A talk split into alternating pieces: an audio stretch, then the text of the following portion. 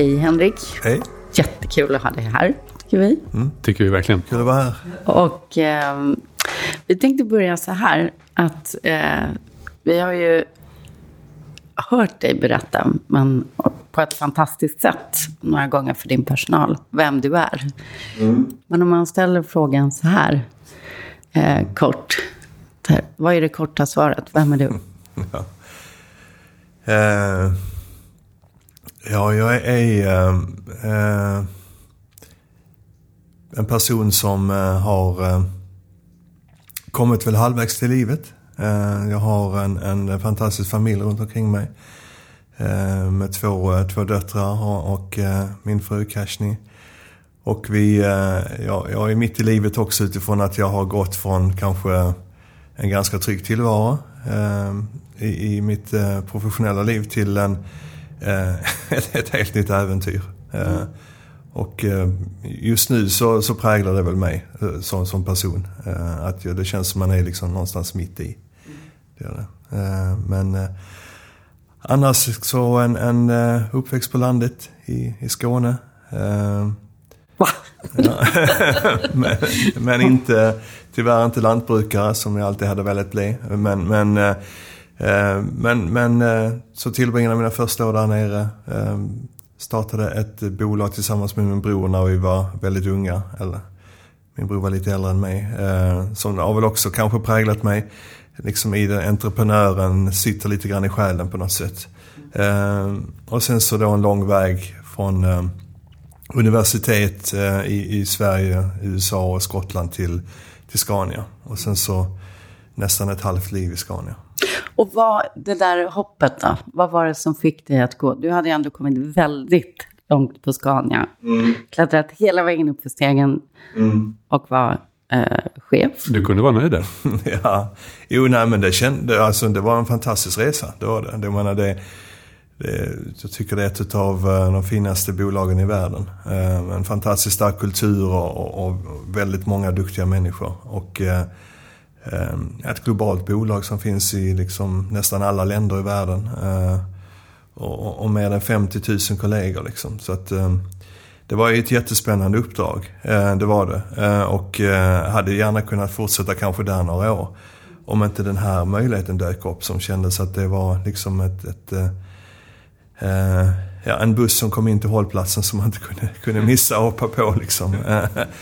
Eh, så att, eh, men jag tar ju med mig fantastiska minnen och, och, från både människor och ett tillfälle och, och, och lärdomar från, från Scania. Eh, det gör jag som, som definitivt har format mig. Och, och, det är en jättefin tid i, i, i mitt liv. Men sex år som VD, det är då hinner du ganska mycket. Eh, och jag hade ju jobbat i bolaget långt innan så att jag hade ju kunnat vara med och påverka liksom bolagets eh, utveckling eh, under ganska många år kände jag. Så att jag känner ändå på något sätt att jag lämnade ett avtryck. Och, och, och liksom ändå en, en, en, en, en leverans som, är, som jag är nöjd med. Det. Men vad, vad var det som liksom när den här möjligheten då dök upp? Vad var det som... För det måste ju ha varit någonting inuti dig som hade hänt även innan. Mm. Nej men, det var, det, då får man gå tillbaka några, jag tror fram kanske till någonstans eh, 2010, 2012 något sånt där. Där, där jag fick... Eh, eh jag blev eh, pappa. Eh, jag, jag, fick ett, eh, jag fick en möjlighet att träffa ett antal personer, däribland Johan Rockström. Eh, och, och, fick eh, upp ett intresse för, eh, för hållbarheten. Och, och så också möjligheter som, som företagsledare och företag kunde ha att påverka eh, liksom den, den hållbarhetsutmaning som världen hade. Och, och det hållbarhetsintresset växte starkare och starkare år för år. Eh, och, och det blev på något sätt de åren på Scania blev också en, en, en möjlighet att verkligen Eh, Eh, göra en transformation utav ett bolag och en strategi och produktprogram och, och, och egentligen purpose som, som bolag, att, att omrikta det. Mm. Eh, och, och det, det eh, då växte liksom den här hållbarhetsivern i mig än, ännu starkare. Och jag såg att vilken impact du kan ha, alltså som, som bolag. Liksom du kan gå in och Eh, jag menar politiker kan skapa förutsättningarna och, och vi som, som konsumenter och, och, individer vi kan påverkar väldigt mycket. Men företagen har en, en jättestor plattform att kunna skapa förändring. Eh, och, eh, men jag tror också det är väldigt bra business. Alltså att ställa om företag till att bli mer hållbara gör företag mycket mer starka. Så, så det hade jag med mig och då kom det här, den här bussen in på hållplatsen. Och, att få lov att göra det från början med H2 Green Steel. Bygga ett bolag från grunden. Det fanns ingenting, det fanns ingen kultur, det fanns ingen, ingen legacy, det fanns eh, ingen, ingen struktur. Politik. Nej, ingen politik. Nej, och, det, och, det, och det fanns ett antal eh, väldigt duktiga personer som hade kommit in, men det var en handfull personer. Eh, och få börja bygga det. Eh, och då är det väl lite, lite tillbaka till det här entreprenörskapet. Liksom, att, att, att, att bygga och starta grejer. Det gillar jag liksom. Så förutom, eh, du sa förut, ett, du kallar det för ett äventyr, det du är på nu, så, är det ju ett, ett rent hållbarhetsprojekt egentligen. Ja, det är det. Men när du började tänka på de här tankarna och du eh, pratade med Johan Rockström och så vidare om 10-12 år sedan, vad, vad, vad mötte du för motstånd i dina tankar då? Att eh, hållbarhet och lönsamhet går inte ihop liksom. Det funkar inte. Alltså ingen vill betala för de där produkterna som blir dyrare. Det blir dyrare att göra hållbara grejer. Eh, och eh, tiden är inte mogen. Eh, utan, eh, ja, och ganska mycket liksom business as usual. Den typen av eh, attityd. Mm. och då tror jag då måste man gå tillbaka till, till kunden. Eh, eller, eller i det fallet som, som, som jag tar med mig som lärdom från, från mina år och försöker driva transformation med med, med hållbarhet som, som, som, som, grunden så är det ju att jag tror du, du måste titta liksom ganska långt fram i din värdekedja. Så inte bara kunden utan kundens kund. Och hur resonerar de? Eh, för att de formar ganska mycket snabbare förutsättningarna för, för en transformation. Och jag tror det är, du måste hitta på något sätt var någonstans i värdekedjan från från egentligen gruvan till den färdiga liksom, produkten. Oavsett vilken industri det är eller, eller tjänst det är. Men, men liksom, i den värdekedjan från ax till limpa. Var någonstans är det liksom viljan att, att faktiskt eh, trycka på knappen och vrida om det. Till exempel elbilar då, personbilar, så är det ju egentligen konsumenten eh, som vill det. Eller, eller om vi köper ett paket mjölk eh, och det är ekologiskt så är det, så är det vi som konsumenter. Medan vissa andra förutsättningar drivs av politiker. Men jag tror hitta den där och då, och då jag tror, har du väl hittat den då kan du börja bryta ner motståndet. Som du är inne på. Och jag tror då, för att då kan du börja bygga en affär kring det. Och jag är övertygad att det är tvärtom. Att det är, det, det, hållbarhet och lönsamhet går hand i hand. Eh, och, och på kort sikt så, så, handlar det bara om att du måste, du måste förstå den här värdekedjan och kanske tweaka din affärsmodell lite grann. Du behöver kanske inte sälja det på, på en prislapp utan du kanske ska sälja det som en, en, en, ett abonnemang. Eller på något sätt så du minskar risken. Och sen så är det väl som, som, som jag brukar säga också det att, att långsiktigt har man inte fattat det här liksom att, att hållbarhet, och långsam, äh, eh, hållbarhet och lönsamhet går hand i hand så, så, så på på lång sikt så, så kommer du som företagsledare ha ett jättestort problem. För att eh, förr eller senare så kommer varje industri till en tipppunkt eh, där liksom hållbarhet blir det nya normala. Eh, för att liksom, hela det ekosystemet som du verkar i har, har liksom ställt om. På grund av konsumenter eller lagstiftning. Så förr eller senare så är jag övertygad om så kommer alla industrier eller sektorer till den här tidpunkten. Och har du då inte ställt om som bolag, då är du rökt. Du har liksom, för det är ingen som vill köpa dina produkter och tjänster. Ingen vill investera i dig som bolag och ingen vill jobba för dig. Och, och, då, liksom, och då är det för sent. Yeah. Så, så att jag tror, är du med på tåget nu tidigt då, då, har du en möjlighet att snarare liksom skapa dig en starkare position eh, och bygga liksom ett motståndskraftigt bolag.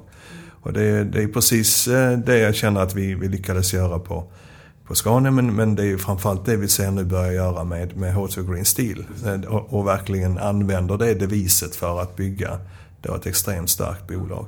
Men du, e-, egentligen egentligen var det väl inte det. Alltså du har berättat någon gång vad det var som fick dig att verkligen ta det här steget. Och då brukar du berätta den här historien som jag tycker är jättefin med när du är gammal och dina barn och barnbarn kommer.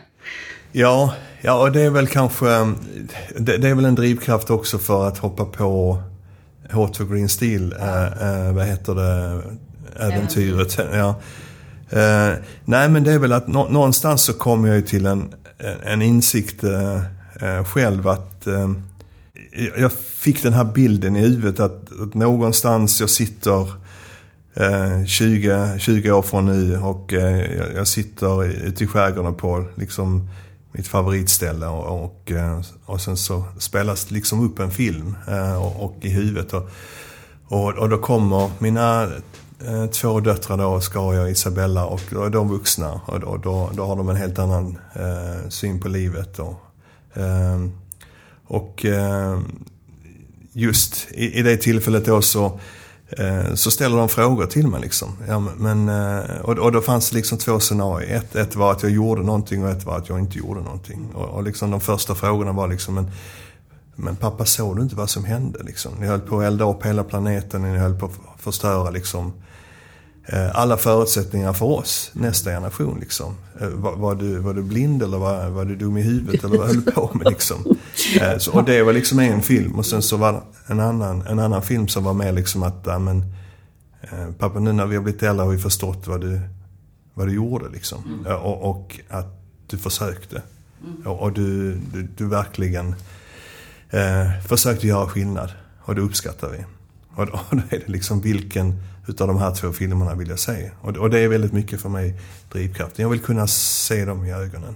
Mm. Och liksom säga att, att jag, eh, jag gjorde vad jag kunde eh, med min tid liksom. Hur har, hur har det här varit då? Att gå från det här ändå stora, etablerade, trygga då, bolaget Scania mm. till ett helt nytt. Så här, nu ska vi Hur har det varit för dig? Ja, det, har varit, det har varit eh, jättespännande och jätteroligt. Eh, det har det. Eh, så det har väl varit kanske till och med roligare än jag trodde det skulle vara. Mm. Men det har också varit svårare än jag trodde. Mm. Det är det. Alltså det är... Liksom det, det, är svårt att hitta ett projekt i 50 miljarders klassen så som man bygger från, från noll. Liksom. Och, och liksom det, det, finns ingenting och så, så ska vi bara börja bygga. Vi ska få tillstånd, vi ska få ihop rätt kompetens, vi ska få ihop pengar för att göra det, vi ska hitta partner som kan hjälpa oss att bygga och utrustning och, och vi ska hitta kunder som vill köpa det här. Eh, och jag menar, vi måste sälja grejer innan vi ens har byggt fabriken. Mm. Eh, så att, eh, eh men superspännande. Mm. Alltså det har varit helt otroligt. Jag tror det kanske är eh, nyttigt också så här liksom att eh, de sista fem sex åren så, hade, så kände man sig en otrolig trygghet i liksom i det tidigare jobbet har liksom utifrån att man förstod industrin, man förstod äh, affären, man förstod kunderna. Man, man, visste alltid någonstans vem man skulle kunna fråga. Mm. Det fanns alltid någon, utav 52 000 som, som visste, man visste nästan äh, hur man skulle få svar nu, nu är det liksom, det, det finns, ingen, vilket gör då att man känner sig som en idiot i alla fall ett par gånger per dag. liksom. Och det är rätt nyttigt. Jag tror det. Det gör ju att, att eh, man, eh, då, då måste, tvingas man omge sig med duktiga människor. Rekrytera in rätt kompetens. Men tvingas också vara ödmjuk. Mm. Man tvingas att, att lära, men man kan inte lära sig allting heller så man får välja liksom. Här kanske jag får gräva ner mig och där. Men, men, men det har varit en fantastisk resa. Eh, det har det. Och kanske det roligaste eh, som, som, som, vi också gjort tillsammans är ju att, att, att bygga en kultur i ett bolag. Mm. Och, och, bygga värderingar i ett bolag. Eh, som, som liksom är det som på lång sikt verkligen skapar liksom långsiktiga konkurrensfördelar och, och eh, är grunden till, till, till framgång. Mm. Eh, det är ju jättespännande. Det är få förunnat att få lov att göra, göra det. Men du, eh, och, och, och det här med att bygga en kultur från grunden. Mm. Det, det är ju nästan det roligaste med att mm. bygga företag. Men hur, hur hade, har du liksom haft en bild av hur den, så här ska jag, så här ska min kultur vara, hur så här, så här ska det bli? Eller hur har du tagit det fram? Nej, jag har nog inte haft en bild, men jag har haft en, en eller jag har liksom inte haft en målbild, liksom det, så här ska det se ut. Men jag, har, jag tror ändå jag har känt att jag har haft en, en kompass inom mig. Mm. Så, som, som jag känner mig väldigt trygg med. Som, som jag vet att det jag står för och det jag, det jag tror på, eh, det vet jag kommer att funka. Det kommer att kunna bygga ett framgångsrikt bolag. Eh, så kompassen fanns där. Och sen tror jag också kartan. I form av att, att, eh, vilka steg vi behövde ta. Att börja bygga kring ett starkt purpose. Ett, ett syfte som, liksom, som, som går att samla. Vad är ert purpose, bara för lyssnarnas... eh, Ja, vårt purpose är um, We decarbonize hard to abate industries. Um, and we start with steel. Och vad betyder hard to abate? Hard to abate är egentligen det är, det är ett antal industrier som var definierade redan i Parisavtalet eh, specifikt. Det fanns väl också som en definition innan dess. Som är de här som är extra svåra att ställa om. Till exempel transport, eh, till, kring, eh, ja, och stålindustrin, eh, Cement kanske. cement. Ja. Eh, till viss del kanske också jordbruk. Eh, så att eh, de här som är lite svårare att knäcka. Nu är du lite jordbrukare här. Ja, precis. Nu är vi tillbaka Ja. där. Men, men jag tror att, så, så att med vårt purpose, eh, tanken var att det skulle vara lite, eh, eller vi, vi gillade det här att det var lite komplext för det gör att man ställer frågan. Liksom, ja, vad betyder det här? Liksom, vad är detta? Eh, och, och, eh, så att eh, det, det har vi fattat tycke för och det har, det har satt sig. Men en viktig del var att, att vårt purpose måste eh, tilltala eh, eller egentligen kanske man ska ta ett steg tillbaka. Jag, jag tror att man måste... Tidigare har- så såg, såg jag ofta att, att man tillhörde en industrivertikal. Liksom du tillhör fordonsindustri eller läkemedelsindustrin eller sånt där. Och det blir väldigt mycket sidotänk. Eh, Så att eh, för, många år sedan så började man ju prata om att, att se det snarare som ett ekosystem. Någonting som är lite större, rundare, lite luddigare i kanten. Där det är flera industrier som kanske går ihop och, och större delar av olika värdekedjor går ihop. Då, då får du en, en tydligare bild. Eh, till exempel på, på Scania så pratar man om att det var en del av fordons, tunga fordonsindustrin. Men snarare, om man lyfte blicken så var ekosystemet eh, liksom transport och logistik. Så, så då fanns det mycket fler spelare inne i det. Samma sak tänker vi nu då. Så vad är vårt ekosystem då kring att producera eh, egentligen eh, produkter och tjänster kopplat till grön vätgas. Som kan användas då för att ställa om de här svåra industrierna. Och så börjar vi med stål. Så det, det är egentligen det gröna vätgaset, stål, omställnings... Det, det, det är ekosystemet. Vilka är då våra stakeholders där? Och, och, då, och, och då har vi då, för att skapa ett purpose som har riktigt mening, så, så måste det här purposet möta då våra stakeholders. Och då har man ju oftast tre stycken, som man pratar om i, i, i, i liksom teorin. Det är våra kunder, det är de medarbetarna och det är ägarna. Men då har vi lagt till två stycken stakeholders till och det är då samhället och planeten. Eh, och Eh, det gör då att de här fem stakeholders, alltså de är vår jury. De, de är de som egentligen bedömer om vi lever upp till vårt purpose. Om vi levererar det vi har lovat. Eh, de, de eh, liksom är egentligen juryn utifrån att om, om vi, om vi liksom lever upp till, till vad, ja, vad som ska vara vår legacy egentligen som bolag. Och den bilden har blivit väldigt kraftfull för, för oss i bolaget att det, det är de vi jobbar för. Så det är inte bara för våra kunder, inte bara för, för våra medarbetare utan, utan det finns också med i samhället och planeten. Och det har satt sig. Och det, och det är det som jag tror gör då att du på så sätt så kan du bygga ett, ett purpose som har mening. Så, som, som betyder någonting. Inte bara för oss internt utan, utan för alla som, som vi, vi, vi jobbar mot.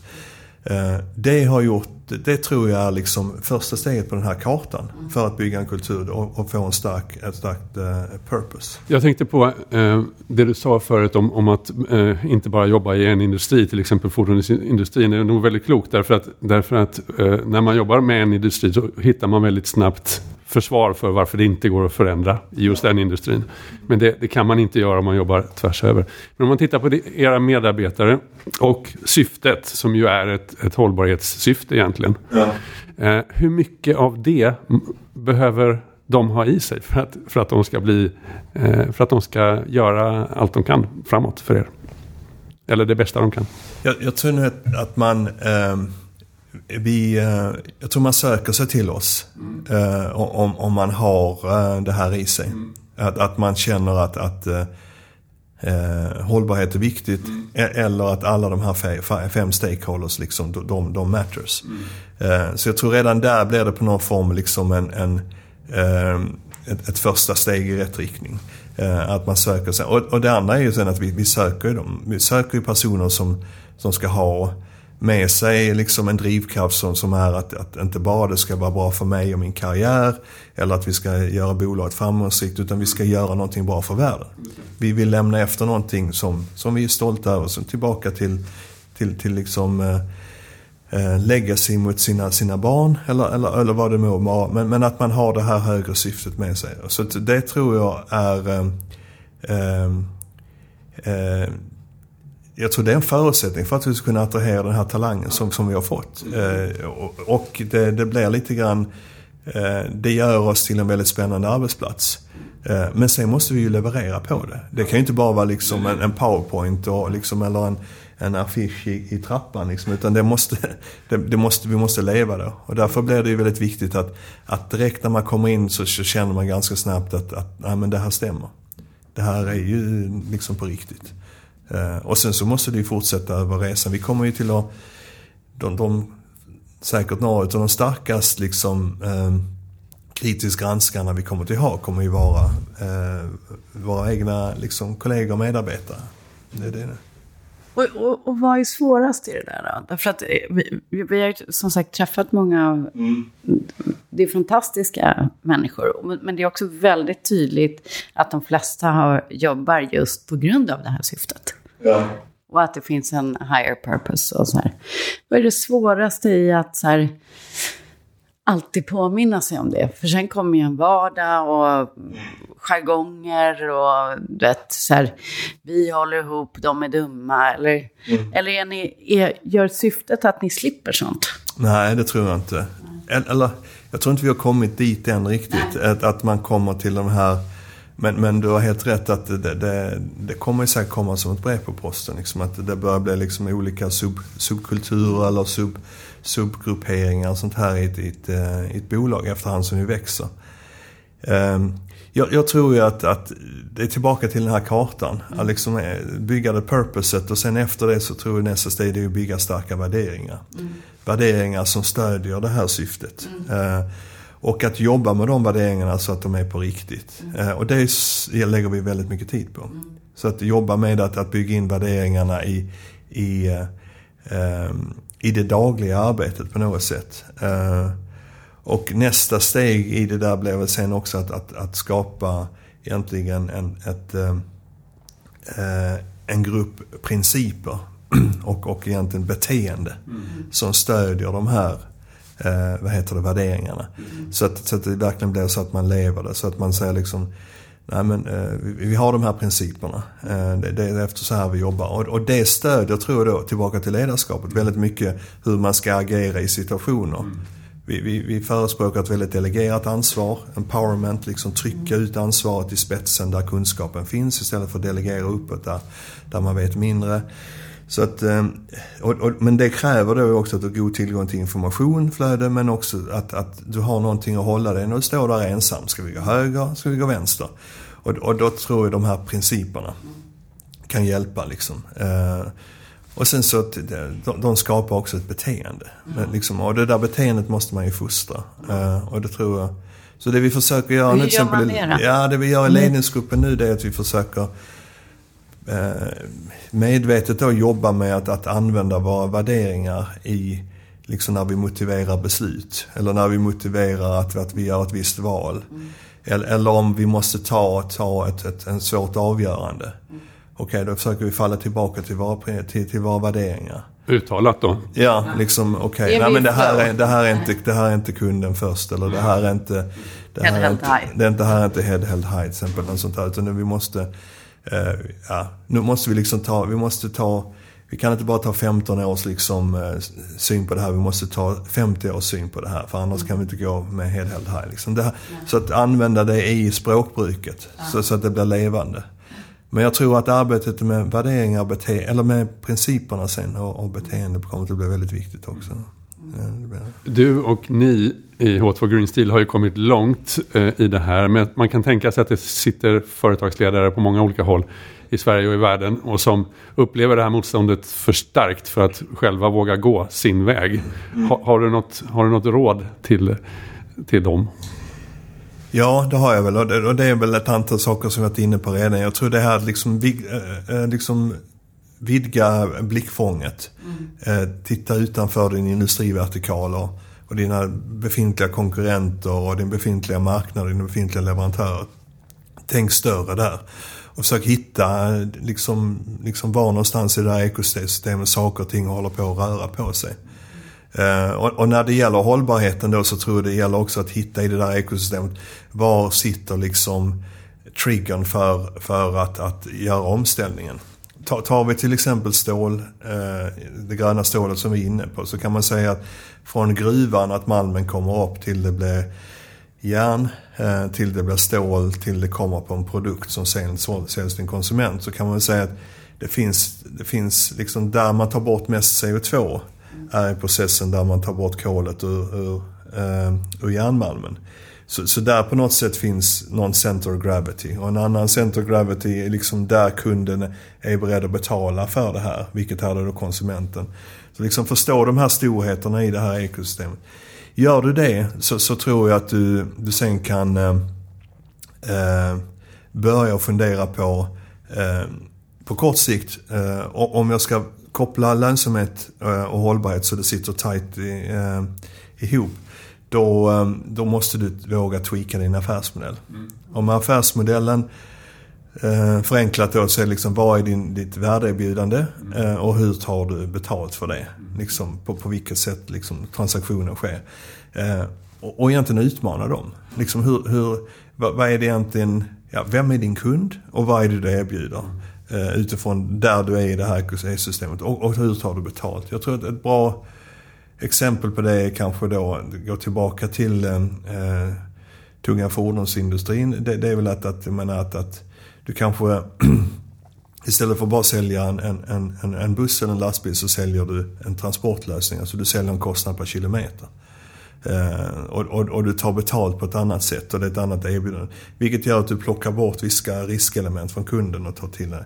Då kan du till exempel eh, kanske erbjuda lättare ett fordon som går på biobränsle. Eller ett fordon som är elektrifierat. Som är kanske dyrare att köpa in eller dyrare att köpa energin för. Men, men du paketerar det på ett sätt så att du, du gör det lätt för kunden att, att liksom gå från det de har idag till det de har. Så det skulle jag säga, det är ett sätt att tweaka affärsmodellen. Så det är väl det rådet jag skulle ge på kort sikt. På, på lång sikt så är vi tillbaka till det här att, att den här tipping pointen. Att, att eh, förr eller senare så är du rökt liksom. ja, den är rätt motiverande. Ja. Mm. Men hur, de här fem stakeholdersarna då. Hur tror du att svenskt näringsliv, om vi börjar med det, eh, skulle se ut ifall alla hade det? Ja, det är en intressant eh, fråga. För att jag, jag tror det är faktiskt så att vi i Sverige har det lite grann i vårt DNA. Mm. Det finns ett antal liksom, stora industrifamiljer och sfärer i Sverige som, som eh, tar till exempel eh, ja, allt från Wallenbergsfären till, till de nya eh, sfärerna som har etablerats eh, och, och eh, även till stor del också riskkapitalet så, som, som finns eh, tillgängligt nu. Eh, jag tycker att det finns någonting i, i DNA i, i, i, eh, i det kapitalet och det ägarskapet som, som har, har med sig en social dimension. Mm. Uh, och jag tror det kanske kommer utifrån vår, vår uppväxt, om, om det är att vi har haft liksom ett social, socialdemokratiskt styre under många decennier, eller det är folkhemmet, eller det, det är folksjälen, eller det, eller det kommer från våra långa vintrar och hur vi måste planera och ta hand om varandra på något annat sätt någonstans så sitter det i DNA och det tycker jag det, det, det kommer fram i, i, företagens agerande också. Om man tittar på svenska företag så tycker jag att de ofta har en, en väldigt stark social kompass. Mm. Eh, och, och, jag tror det också mycket kanske kopplat till, till arbetsgivar och arbetstagarorganisationerna. Mm. Och, och liksom de avtalen vi har och hur vi jobbar med kollektivavtal och respekten mellan fack och arbetsgivare. Eh, liksom som på något sätt eh, är också en unik svensk modell. Mm. Och det tror jag att, att kanske sammantaget gör då att jag tycker när jag tittar jämfört med andra internationella bolag att vi har det rätt mycket i oss redan. Sen kan det bli mycket bättre. Det kan bli mycket, mycket bättre. Och kanske framförallt då kanske planeten. Mm. Men, men, det, men det sociala liksom, det, det, känner jag verkligen vi med. med. Och sen tror jag det här att svenska företag är ju också små och väldigt beroende av export vilket gör att du måste liksom hitta den här unika twisten i din affärsmodell. Mm. Och det har historiskt sett ofta varit liksom kvalitet och engineering. Och, mm. men, och då ligger det ganska nära tror jag till liksom att, att ta till sig det här då med, med att, att göra någonting som som är hållbart. För vad är egentligen hållbarhet? Det är egentligen att vara mer energieffektiv och mer liksom resurseffektiv. Eh, att, att tänka liksom att kvalitet, det ska hålla länge, det ska gå att underhålla. Det där är rätt mycket, tycker jag, karaktären på svensk industri. Så jag tror nog vi har det i oss. Det har jag. Men, men vi kan plocka fram planeten i det. Ja, vi plockar fram planeten med. Det måste vi göra. Mm. Det här att vi som svenskar också många av oss i alla fall har, har en närhet till naturen. Exakt. Och minnen från barndomen och, ja. och annat. Ja. Eh, det kopplar in i det här. Definitivt, det gör det. Nej, jag tror det, det, det ska man inte underskatta. Eh, jag menar, vi har... Eh, det är ju på något sätt lite grann vår... Ja, naturen ligger oss väldigt nära i Sverige. Eller Skandinavien. Mm. Du har ju valt, när, när vi har jobbat med dig, så har vi ju använt naturen ganska ja. mycket. Um, jag vet inte om du vill berätta lite om tanken bakom, bakom hur vi har jobbat där? Ja, eh, jag tycker vi har hittat något, något väldigt bra eh, tillsammans där för att vi, eh, den, den, utmaning man har när man bygger ett bolag från grunden som H2 Green Steel är att det finns ju liksom ingen, ingen historik, ingen legacy. Det finns ingenting att liksom hänga upp en kultur på riktigt. För oftast är kulturen byggd av ett sediment utav händelser och personer och eh, saker som har hänt och inträffat i bolagets historia. Och det har vi inte. Det är ett blankt papper. Eh, så, så, om vi ska, och oftast vill man ju hänga upp sina värderingar på någonting som, som, som liksom folk känner igen, som man har haft med sig på resan. Eh, och det har vi inte. Så, så hur gör vi det då? då? Tillsammans så har vi hittat en modell där vi eh, vi, vi eh, snarare förankrar då våra värderingar, vårt purpose i, i naturen. Mm. Vilket känns helt rätt för oss för att allt vi gör som bolag, H2 Green Steel, på något sätt har vi att tacka från naturen. Det är vattnet, eh, det är vattenkraften, det är, det är vinden, eh, det är solen. Eh, och, det är liksom det, det vi har i, i naturen. Så att det är väldigt naturligt för oss att, att då liksom bygga ett purpose som på något sätt har, ja, har planeten som en av stakeholders men, men då ändå som har naturen som, som, som backdrop. Men också när det gäller våra värderingar. Så, att, så vi har ju använt då eh, tillsammans, och nu berättar jag ju vad vi gör tillsammans, men, men, men att, att, att, att liksom koppla då snarare upplevelser i Eh, naturen tillsammans eh, i grupper. Eh, där man, man hamnar i, i, en, i, en, miljö där man på något sätt har, har lättare för att, att, att plocka bort den rustningen man har på sig i det dagliga arbetet och komma ut i en annan miljö där du får känna den här närheten till rötterna liksom, som vi har i, i naturen. Och där då skapar egentligen en, en, en bilderbok utav eh, upplevelser och händelser som, som, som man, man, kan ta med sig sen. Som är kopplade till då eh, våra värderingar. Eh, och, och, det har ju visat sig funka väldigt väl. För det har blivit väldigt starka upplevelser där, där, eh, där man, eh, man är beredd att, att verkligen eh, egentligen lämna, eh, lämna allting bakom sig och, och Eh, öppna upp liksom alla sina sinnen eh, och, och då vara mottaglig för en, ehm, eh, ja, en, en, annan typ av eh, öppenhet, skulle jag säga. Eh, så jag tror, ja, det, det är lite grann svårt att beskriva. Det jag är nyfiken på är, det finns ju säkert en massa eh, ledare som sitter och brottas med det här. Hur fan ska jag liksom... Ja, det är lätt för honom att säga. Han ska bygga ett 50 miljarders bolag och allting är liksom... Men vad tror du skulle hända bara om, om just den här sårbarheten som du pratar om, att du vågar öppna upp och du säger ju också jag behöver er hjälp och, och sånt där. Hur mycket tror du skulle kunna hända om fler ledare gjorde det? Jag tror att eh, det är ett sätt att bygga ett, ett starkt eh, förtroende. Eh, och, och eh, eh trust. Liksom. Eh, och jag tror det är en viktig del i, i, i ledarskapet långsiktigt. Eh, för att, att liksom bygga ett, ett framgångsrikt bolag. Så att skulle fler göra det här, våga det här, så tror jag det skulle bygga en annan typ utav eh, ja, eh, förtroende och, en annan typ av respekt. Respekt som inte bygger på liksom hierarki eller på, på erfarenhet utan, utan att man ser människan. Mm. Och, och, och, och, att, att, att, eh, ja, att både de ser en som ledare på ett annat sätt men också att, att ledaren ser eh, sina medarbetare på, på ett annat sätt. Så jag tror det skulle leda till att, att eh, jag tror bygga starkare band. Mm. Eh, och de starka banden tror jag är väldigt viktiga för att kunna till exempel ha ett, ett, eh, ett väldigt delegerat sätt att jobba. Där, där du ger folk empowerment och du ger liksom mm. folk ett förtroende. Och då blir det flow. Ja, ja men, men, men också att, att jag tror att ska, ska du verkligen kunna attrahera och, och, och kunna eh, dra till dig men också behålla väldigt duktiga individer som har hög motivation och som har höga ambitioner och, så, och som vill göra liksom någonting, no, någonting bra för planeten och för, för världen men också bygga ett starkt bolag. Då, ehm, eh, då tror jag du måste liksom bygga en annan nivå utav eh, liksom emotionellt kontrakt emellan som, som bygger på en helt annan öppenhet och trust. Mm. Mer att det är liksom som en familj.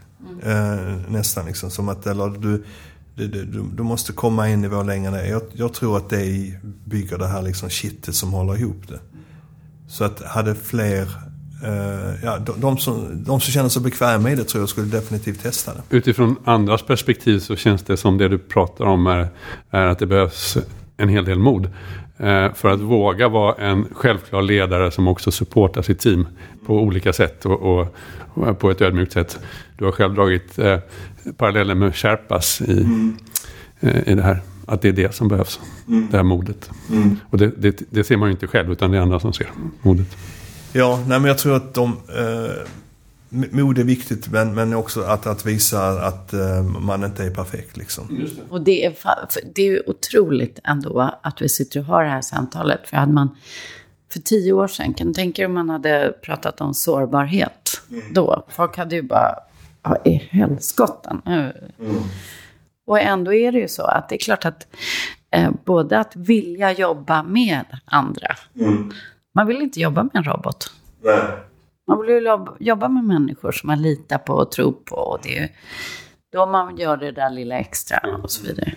Ja, och så, så, att också, jag menar, för att jag menar, till exempel jag i min, min roll nu, jag, jag, jag har aldrig gjort något så här. Jag, jag menar, jag behöver ju också få feedback och lära mig liksom, liksom det här, eh, det här, så kan du inte göra. Du, du, så här, du, eller, jag behöver ju lära mig också. Mm.